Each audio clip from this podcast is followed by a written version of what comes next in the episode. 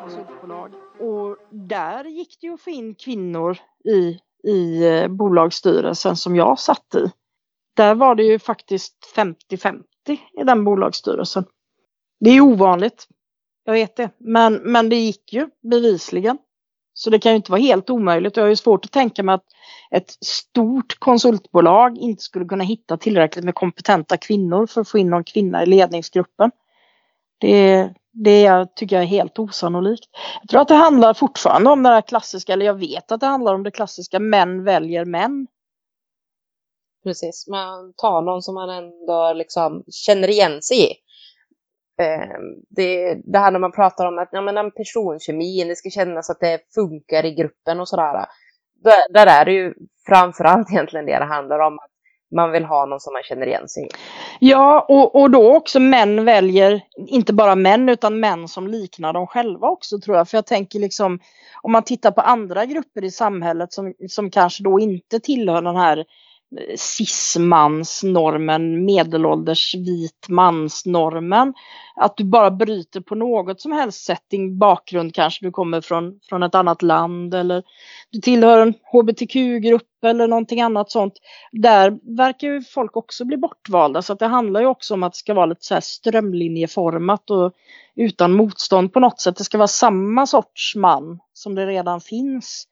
Och då blir det ju svårt att bryta mönstret. Så det handlar inte bara om kvinnor utan det handlar om alla personer som avviker från den vita medelålders mannen-normen.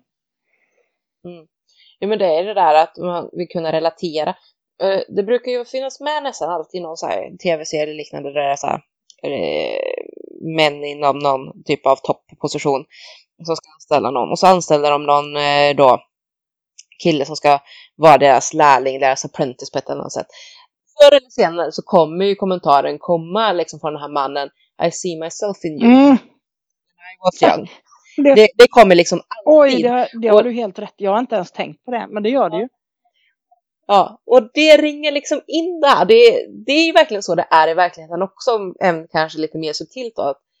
Det är, även om det inte alltid blir en uttalad tanke hos den som anställer, så är det någonstans där det liksom kommer vara lite den tanken att Ska de börja titta på vem som de vill anställa som de tänker ska kunna klättra i, i hierarkin, då kommer de börja titta på vem ser de sig själva i? Vem påminner om dem för 20 år sedan liksom?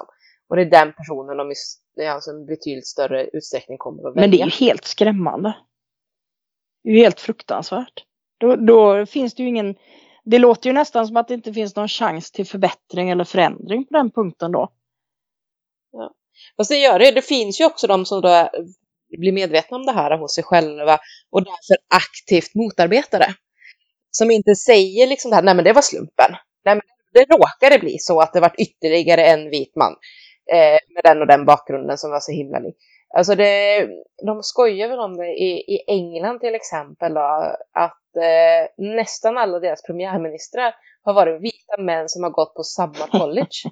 ja att de har haft en väldigt likartad bakgrund och sådär. Att det har blivit liksom någon sån mall ungefär för en premiärminister, någon man tror på liksom. Ja, men då ska de den, den och den bakgrunden. Um, och det är ju sådär omedvetet handlande egentligen hos det brittiska folket när de ska rösta liksom. Vad, vad är de känner igen sig hos? Jo, men det är den här snubben som har den här bakgrunden. Ja, men då väljer jag en sån.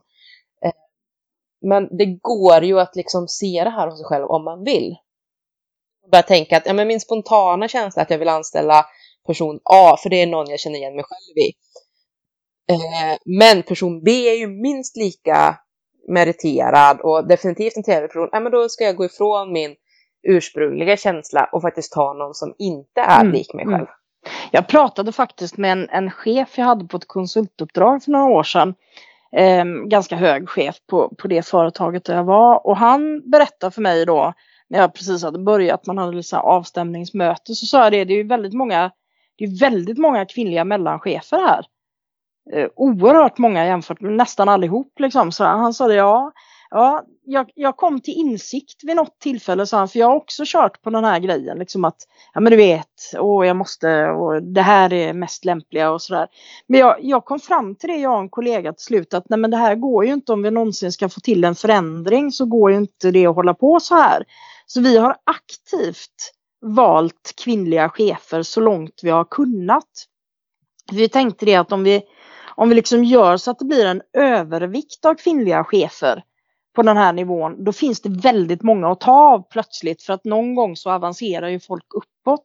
Och då finns det förhoppningsvis så många fler kvinnor att ta av så att det liksom inte längre går att bara välja en man för avancemanget uppåt då.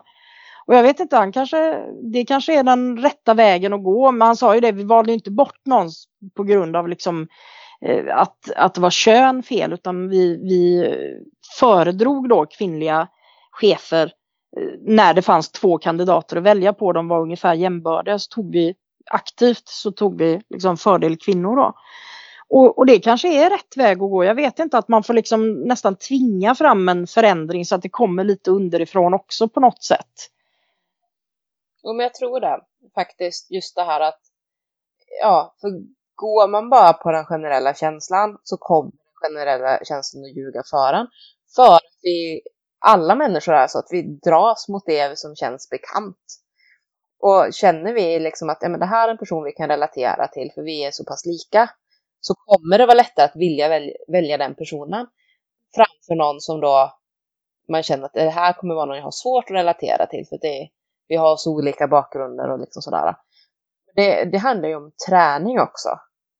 Att inte köpa det här att ja, det är kaka söker make liksom. Att det går väl, speciellt egentligen i just yrkessammanhang så går det väl att kämpa lite på det där med den här professionaliteten, att man kan umgås med folk, även om det inte är någon man skulle vilja bli bästis med på fritiden.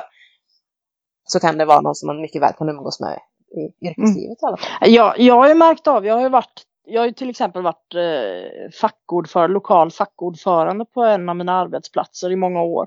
Och jag har ju märkt att det är en del motstånd fortfarande, trots att man säger sig vara för jämställdhet och annat på arbetsplatsen så blir det en del motstånd när man är kvinna. Att man blir mer ifrågasatt än vad min manliga företrädare blev. Samma position. Jag fick ofta kommentaren exempelvis, behöver du verkligen gå den här kursen också, den här fackliga utbildningen? Ni kan väl dela kunskapen inom gruppen? Så att jag, jag tror att det finns liksom på så många olika nivåer att det blir liksom på något sätt det blir för udda, man sticker ut för mycket när man hamnar i en sån position som kvinna och risken är väldigt mycket större att folk triggar igång på det och jag tänker att det är väl sånt också som triggar den här typen av incel-killar då att ja men vad är det här för någonting liksom varför ska, varför ska en kvinna få den här chansen när inte jag får? Mm, precis. Jo, det, det finns det här bra citatet att eh, när, när du är van vid privilegier så känns jämlikhet som förtryck. Att är du van att saker liksom jobbar i din fördel kommer det ju kännas som att du förlorar jättemycket när den här för, liksom, fördelen som du egentligen inte har gjort någonting för att få plötsligt försvinner. Mm. Ja, ja det, det, det är säkert så det är alltså. Men där har ju alla ett ansvar tänker jag, både män och kvinnor för att man kan ju inte som kvinna bara tänka att oj nu blir det jobbigt här, det blir motstånd, liksom folk tjafsar emot och det är bäst jag backar. Eh, jag får ju höra det ibland, så ja men, ja men det är väl klart att folk blir arga på dig för det här och det här för att du är, du är så påstridig och som kvinna måste man vara lite mer försiktig. Och, nej, jag tycker inte att man måste det för någon måste faktiskt gå framåt också annars händer det liksom ingenting. Och jag tänker speciellt på hur kaxigt det var av, av eh, nyss bortgångna då Sara Danius när hon faktiskt satte ner foten och bara nej, nu går det inte längre. Hela den här diskussionen drar igång med, med då kulturprofilen som senare hamnade i finkan och allting sånt. Jag tycker det var oerhört modigt att göra det och att hon faktiskt satte ner foten trots att hon visste att hon riskerade allt någon måste liksom gå först och någon, någon måste ju verkligen tyvärr än så länge ta smällen liksom. Ja. Och det... Ja, men mitt favorit med henne är ju ändå Nobelställningen. Ja. Tänk dig vad det... Tänk Även dig, utan liksom hela den kulturmannen-grejen Ja. så bara det faktum hon dök upp i den klänningen. tänk dig liksom vad det ska ha retat gallfeber på Horace. Jag, jag skrattar varenda gång jag ser den här bilden framför mig. För jag menar, det var ju det. Inget litteraturpris det året. Nej, då får inte akademin sitta på podiet då, Svenska akademin. Men hon är ju då med i, i annat sammanhang och får sitta på podiet. Och där sitter hon som ett utropstecken utan dess like. Va? Jag, jag älskar det liksom. Det är, det är fantastiskt. Jag bara tänker, liksom, tänk vad han ska ha kokat inombords efter alla de här bitterhetsgrejerna och allt, allt tjafsande och så. En intressant sak i sammanhanget var jag hörde på något av de här minnesprogrammen med henne att han var faktiskt en av de få som hade besökt henne på sjukhuset då förra gången hon var eh, sjuk i cancer. Eh, trots att de hade så mycket meningsskiljaktigheter och så. Eh, och det, det är ju ändå, det är ändå lite intressant tänker jag att han tog sig tid att göra det trots att de var lite bittra fiender när det gällde annat och så. Mm. Jo, absolut. Så att eh, in- ingen är väl helt alltigenom ond och sådär men, men det är lite kul alltså att tänka sig. Jag undrar hur, jag undrar hur det känns nu för den här reportageboken där, vad heter hon, Matilda Bengtsson va, som har gett ut den här, eh, vad heter den? De hade det på, på P1 idag på Kulturradion. Um, Klubben heter den väl? Alldeles nyutkommen bok. Hon har gjort en sån reportagebok om den här Forum då som den hette Ja. kulturprofilen och alla turerna kring Svenska Akademin. Och hon, hade, hon pratade om det där att hon hade intervjuat Horace Engdahl och hon sa det, det var liksom ingen intervju egentligen utan det var en monolog från hans sida mestadels. jag kan tänka mig ungefär. Jag, ungefär jag kan se det ja, ja, ja. Jag har varit och lyssnat på honom några gånger i olika sammanhang. Eh, Man är ju ändå litteraturvetare så det, han, han är väl ibland lite full av sig själv, tror jag. Ja, det, det är det intrycket man får bara av att lä- läsa när han uttalar sig om någonting. Mm. Nej, jag undrar, jag undrar hur det känns för honom egentligen när den här boken kommer ut nu. Så här. Det är ju flera av dem som, som ju ändå blir ganska berörda och det där måste ju gälla Katarina Frostenson också. Det måste ju kännas lite bittert ändå. Någonstans. Ja, det tror jag. Mm. Men eh, Det kan vi göra ett helt eget avsnitt om. Det finns mycket att säga om de där ja, turerna. gud ja, det borde vi nästan göra vid något Ja, tillfälle. Ja, jag är ju inte ens ett odelat fan av eh, Sara Danius i de Nej men, nej men det behöver man inte vara. Alltså det finns, finns mycket Alltså, bara, bara där finns mycket att säga. Så det, finns mycket smuts att gräva i och det finns mycket skvaller och, och sådär. Och det är ju lite roligt Mm. för en del får man ju höra liksom helt, helt utanför eh, offentlighetens ljus då, i och med att jag liksom ändå kommer från, från samma eh, sfär på universitetet och sådär. Så, så har man ju fått höra både ett och annat. ja, det, som sagt, det får vi spara till ett annat Ja, det avsnitt. kan vi absolut göra. Men. Men finns det, någon, finns det någon lösning på det här då? Liksom hela den här Glasbergsproblematiken, vem som hamnar utanför familjebildning. Jag vet inte. Alltså jag känner spontant så att jag önskar ju till stor del att vi skulle börja återgå lite granna mot det här storfamiljslivet som man levde förr. Alltså inte nödvändigtvis att man delar hus med varandra. Men börja lite grann att titta åt det här med kollektiv på ett annat sätt. Att, eh, ett hyreshus, man har sin egen lägenhet men man ändå ingår i ett form av kollektiv. För att vi är ju egentligen flockdjur. Jag förstår att de här insen som blir ensamma, sitter i sina lägenheter, går egentligen från jobb till soffan hemma och har ett socialt liv, att de blir fruktansvärt ensamma. Och det, det jag ser som lösning, det är ju inte nödvändigtvis att nej, men kvinnor ska förbarma sig över dem så att de får en partner, det är inte det. Utan att, ja, dels om man säger omdefiniera det här med kärnfamiljen. Kärnfamiljen är på många sätt skit för människan. Vi är inte ämnade att leva kärnfamiljslivet med mamma, pappa, barn. Eller pappa, pappa, barn eller vad det nu blir för konstellation. Men liksom den här lilla ön av att man är två vuxna och barn. Eller en vuxen och barn. Eh, men också då att omdefiniera behovet av att just ha barn själv hela tiden. Eh, det är lätt för mig att säga som har barn, men jag tror ändå att vi, man behöver se utanför det här att eh, och kanske det som vi var inne på innan det här med manliga relationer och så, att, att uppvärdera männens relationer till andra män. Att det inte ska vara det här bro-grejen och sen att det går över till lite så här fniss-fniss, halvt nedvärderat bromance så fort män kommer varandra lite närmare.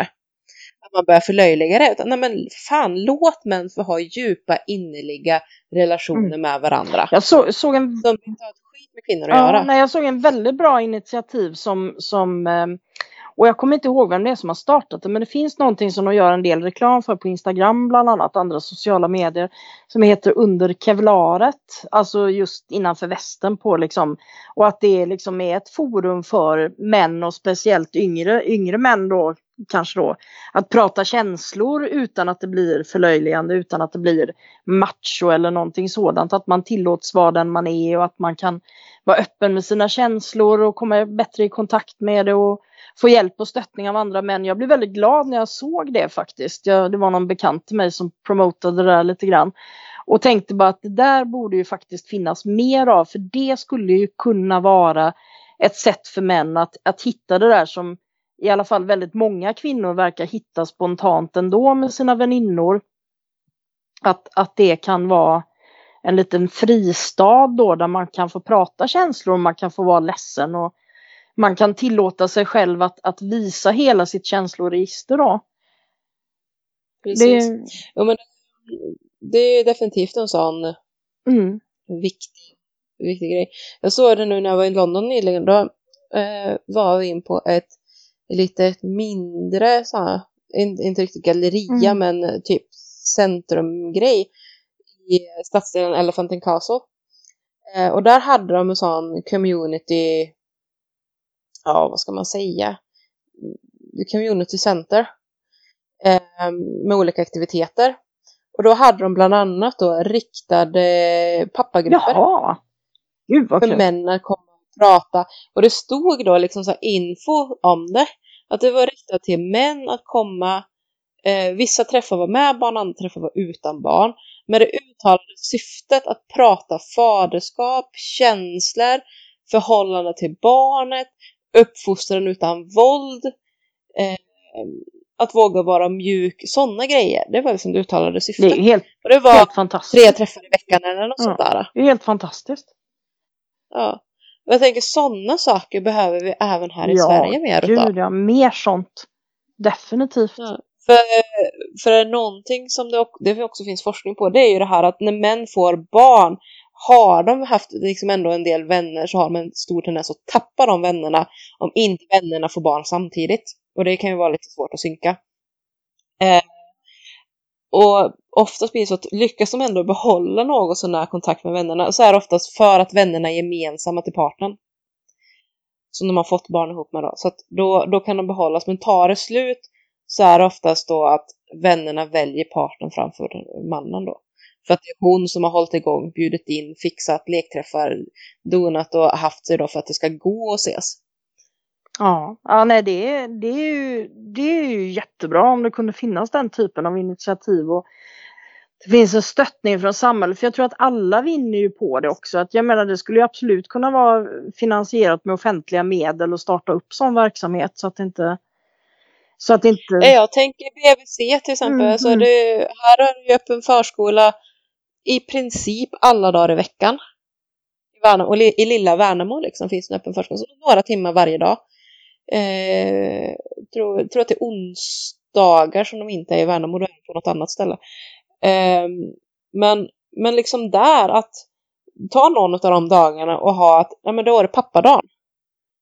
Då, då får inte mamma komma dit, då är, då är det män som ska komma dit och hänga med sina barn och kunna prata saker med varandra, knyta kontakter, försöka hitta kompisar som inte är bundna till partnern men som också är i lite samma sitt, som man har den här förståelsen för vad det innebär att ha småbarn. Mm. Ja, nej, det tror jag, du, jag tror det är jätteviktigt faktiskt. Och även om det är bättre med yngre generationer såklart för att de ändå har sett en annan typ av deltagande från sina föräldrar och sådär än vad kanske min generation har gjort då. Liksom, min pappa skulle ju aldrig vara hemma med barnen. Det fanns ju inte på kartan liksom när jag var liten. Sådär.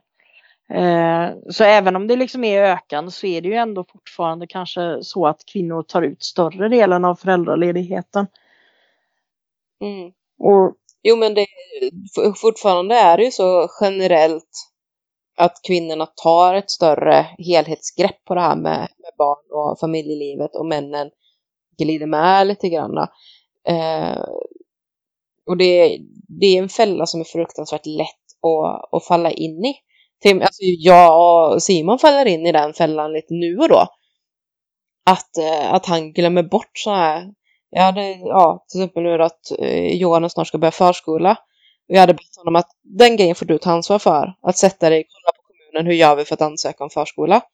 Eh, och han hade till och med satt larm liksom, i Mm. kalendernotis liksom, att nu är det dags att börja söka förskola. Och likt förbannat slutade det med att jag satte mig vid datorn och sa "Kom nu, nu ska vi välja förskolor som vi kan ansöka om och så för man ska gärna välja en två, tre alternativ. Och så kom jag på mig själv efter att fan också, nu var jag där ändå.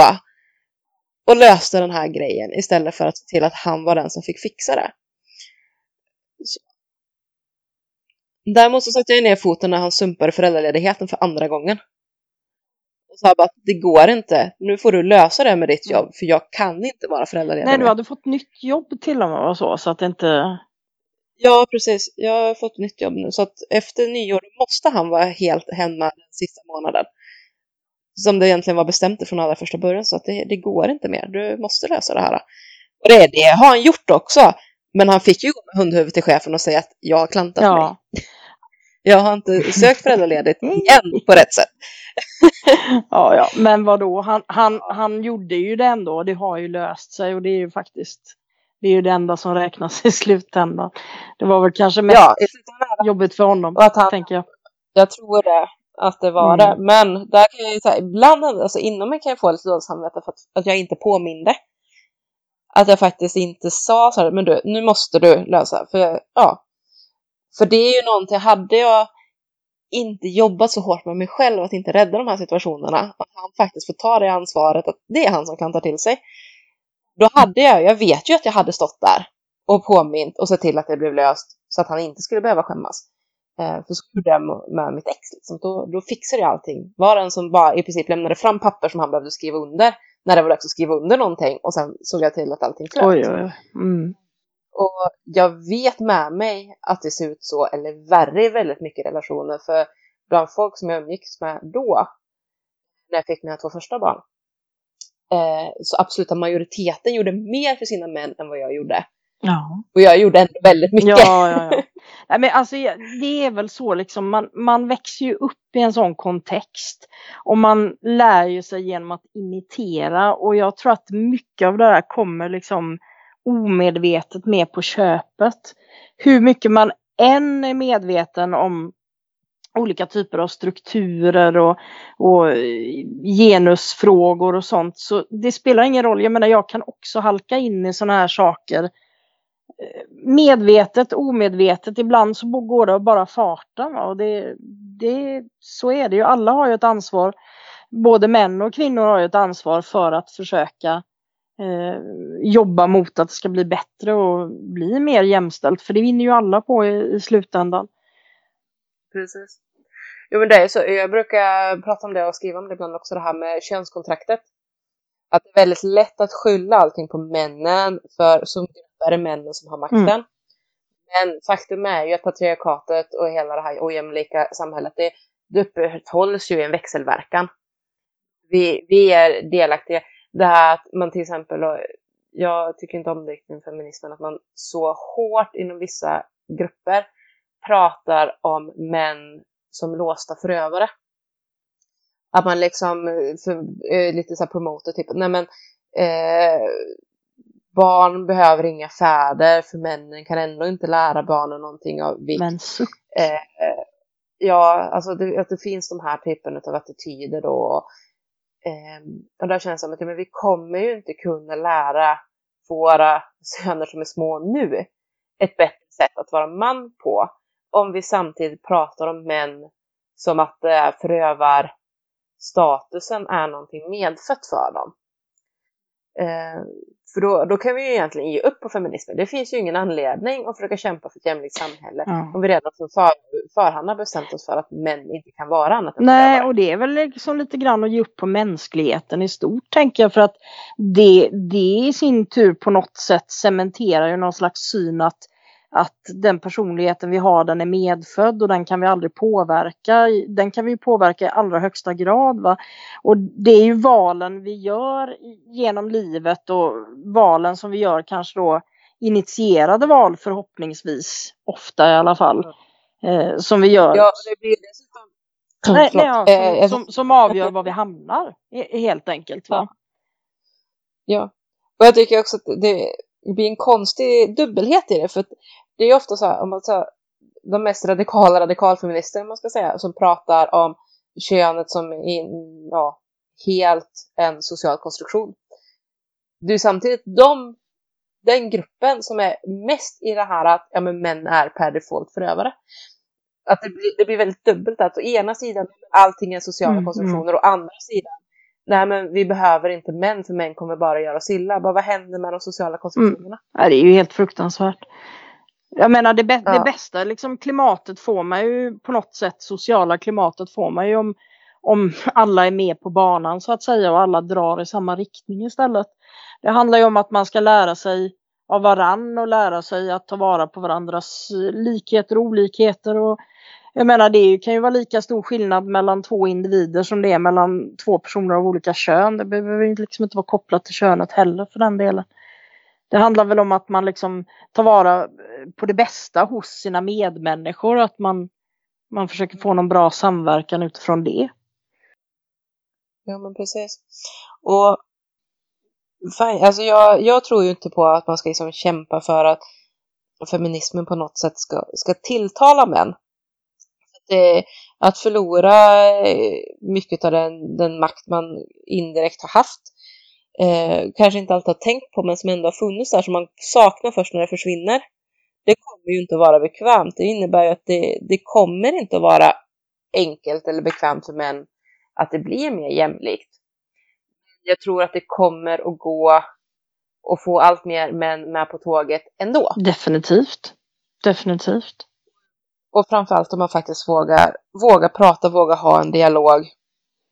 Och inte fastna i det här liksom män är förövare, kvinnor kan typ aldrig göra någonting fel. Nej. Retoriken som gärna poppar fram. Ja, nej, det där är, det där är ju bara vansinne. Det, menar, det, det finns liksom onda och goda personer av alla liksom slag, eh, oavsett det är män, kvinnor, oavsett det är åldersgrupper, generationer eller vad du än pratar om. Det är liksom, det är inte, det går ju inte att säga att kvinnor är si eller så eller män är si och så.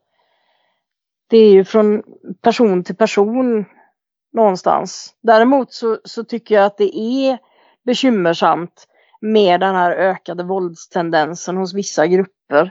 Att de är beredda att ta till våld för att försvara någonting som de kanske nästan de har egentligen aldrig haft det men de har haft någon slags idé om att de har haft ett privilegium som de då tycker sig ha förlorat.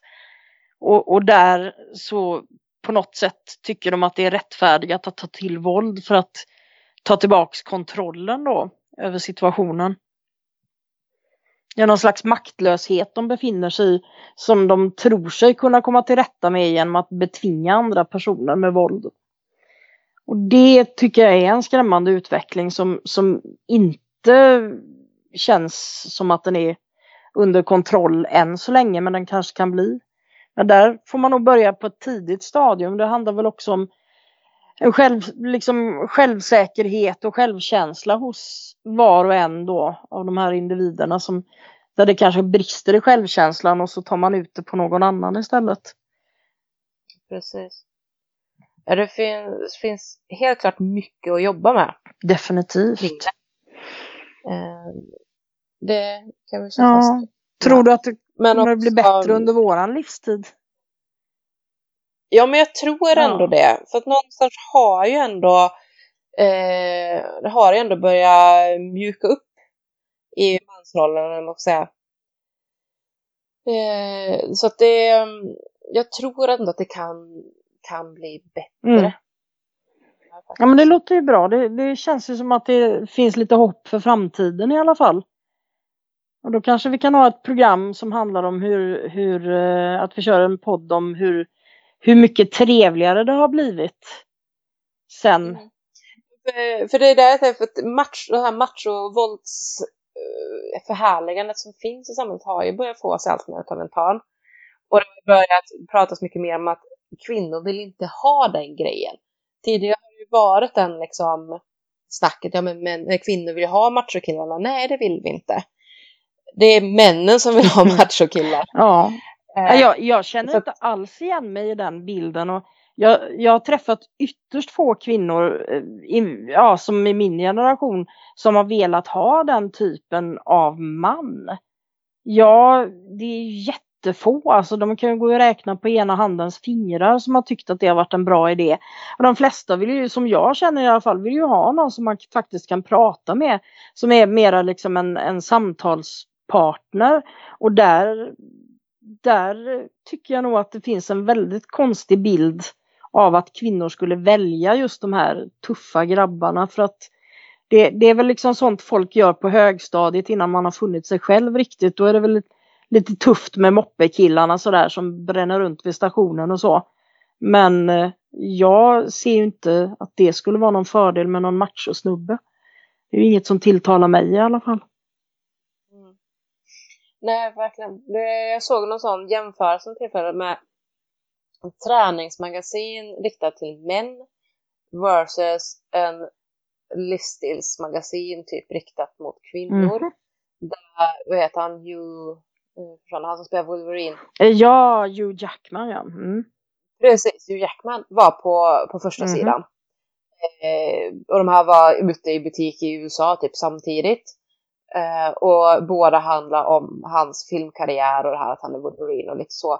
Men då var det ju då träningsmagasinet ganska tydligt såklart också en del om det här, hur han tränar för att ha den kroppen han har när han spelar Wolverine. Eh, Medan då det riktat till kvinnor, då pratar han om hur han fick ihop den träningen och hela det här att spela Wolverine med sitt familjeliv. Och på träningsmagasinet då står han då, gör en sån här aggressiv grimas, spänner alla muskler, bara överkropp. Eh, väldigt så uppumpade muskler för stunden då så att det ska vara blodådrorna sticker ut och lite sådär.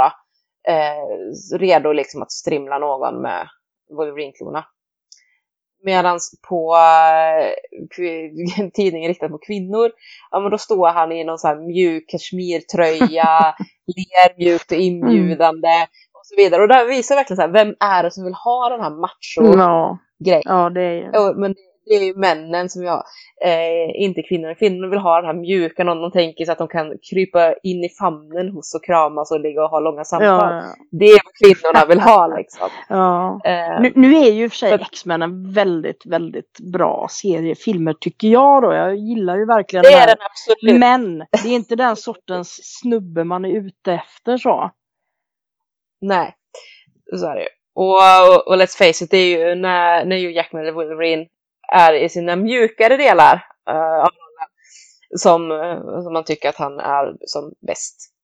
Det är ju inte i slåss, slåss action-scenen. Nej, nej, men så är det. Ja. För jag tänker att det är ju ändå mycket den macho-grejen som gör att för tittar vi på det så egentligen hur mycket ensamma är, alltså hur mycket mer singel är män jämfört med kvinnor?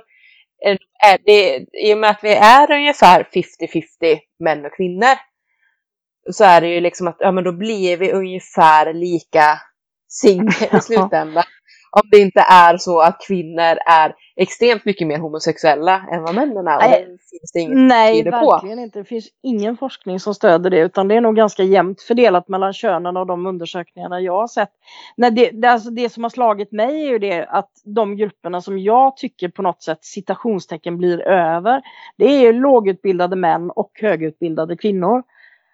Och de blir ju lite svåra att fasa ihop de här som är då liksom eh, ensamma grupperna. Va? För att eh, där är det kanske lite för olika förutsättningar. Det är lite för olika intressen. Och just det där med att tvinga fram någon form av relation för att människor inte ska vara ensamma, det är ju sällan en bra idé.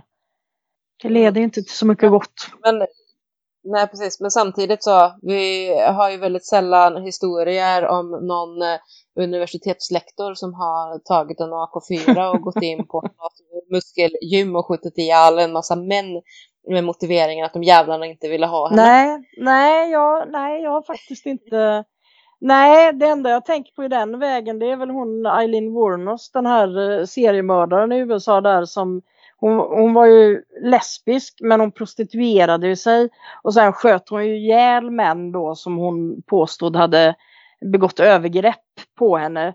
Och det vet man ju inte om de har gjort eller inte gjort men, men på grund av hennes psykiska sjukdom då kopplat till prostitutionen, kopplat till den extremt svåra situation hon befann sig i gjorde väl att det gick liksom inte att få någon klarhet i vad som hade hänt eller inte hänt då. Um, och hon är väl ett extremexempel. Jag menar det, det är ganska sällan kvinnor gör så. Begår den typen av ja. brott och sådär. Ja, ja, du vet om den kvinna som, som flodde en man oh. också för att han mördade honom och flodde honom och tillagade sen hans ena skinka för att mata hans barn. Förlåt att jag skrattar men det lät lite ja. roligt bara. Nej det är ju naturligtvis ja. helt fruktansvärt. Ja, det är uppenbart, det är uppenbart så mycket som är fel. Ja, ja, ja. ja. så. Eh, men, men det säger ändå någonting att det är så pass många fler män som någonstans finner det som en rimlig utväg att, att döda av kvinnor som någon form av hämnd på att de inte tycker att tillräckligt många kvinnor vill ha dem. Eh, så. Och det, och det är ändå spännande för att det finns också manliga seriemördare som har mördat massor med kvinnor och motiverat det just med att de kände ett hat mot att kvinnor inte ville ha dem och sen har de varit gifta. Ja, ja alltså det, det är ju Hagamannen. Han var ju gift. Eh, och han hade ju liksom sin lilla härliga eskalerande våldsspiral där med de här våldtäkterna han begick i Umeå för ett antal år sedan.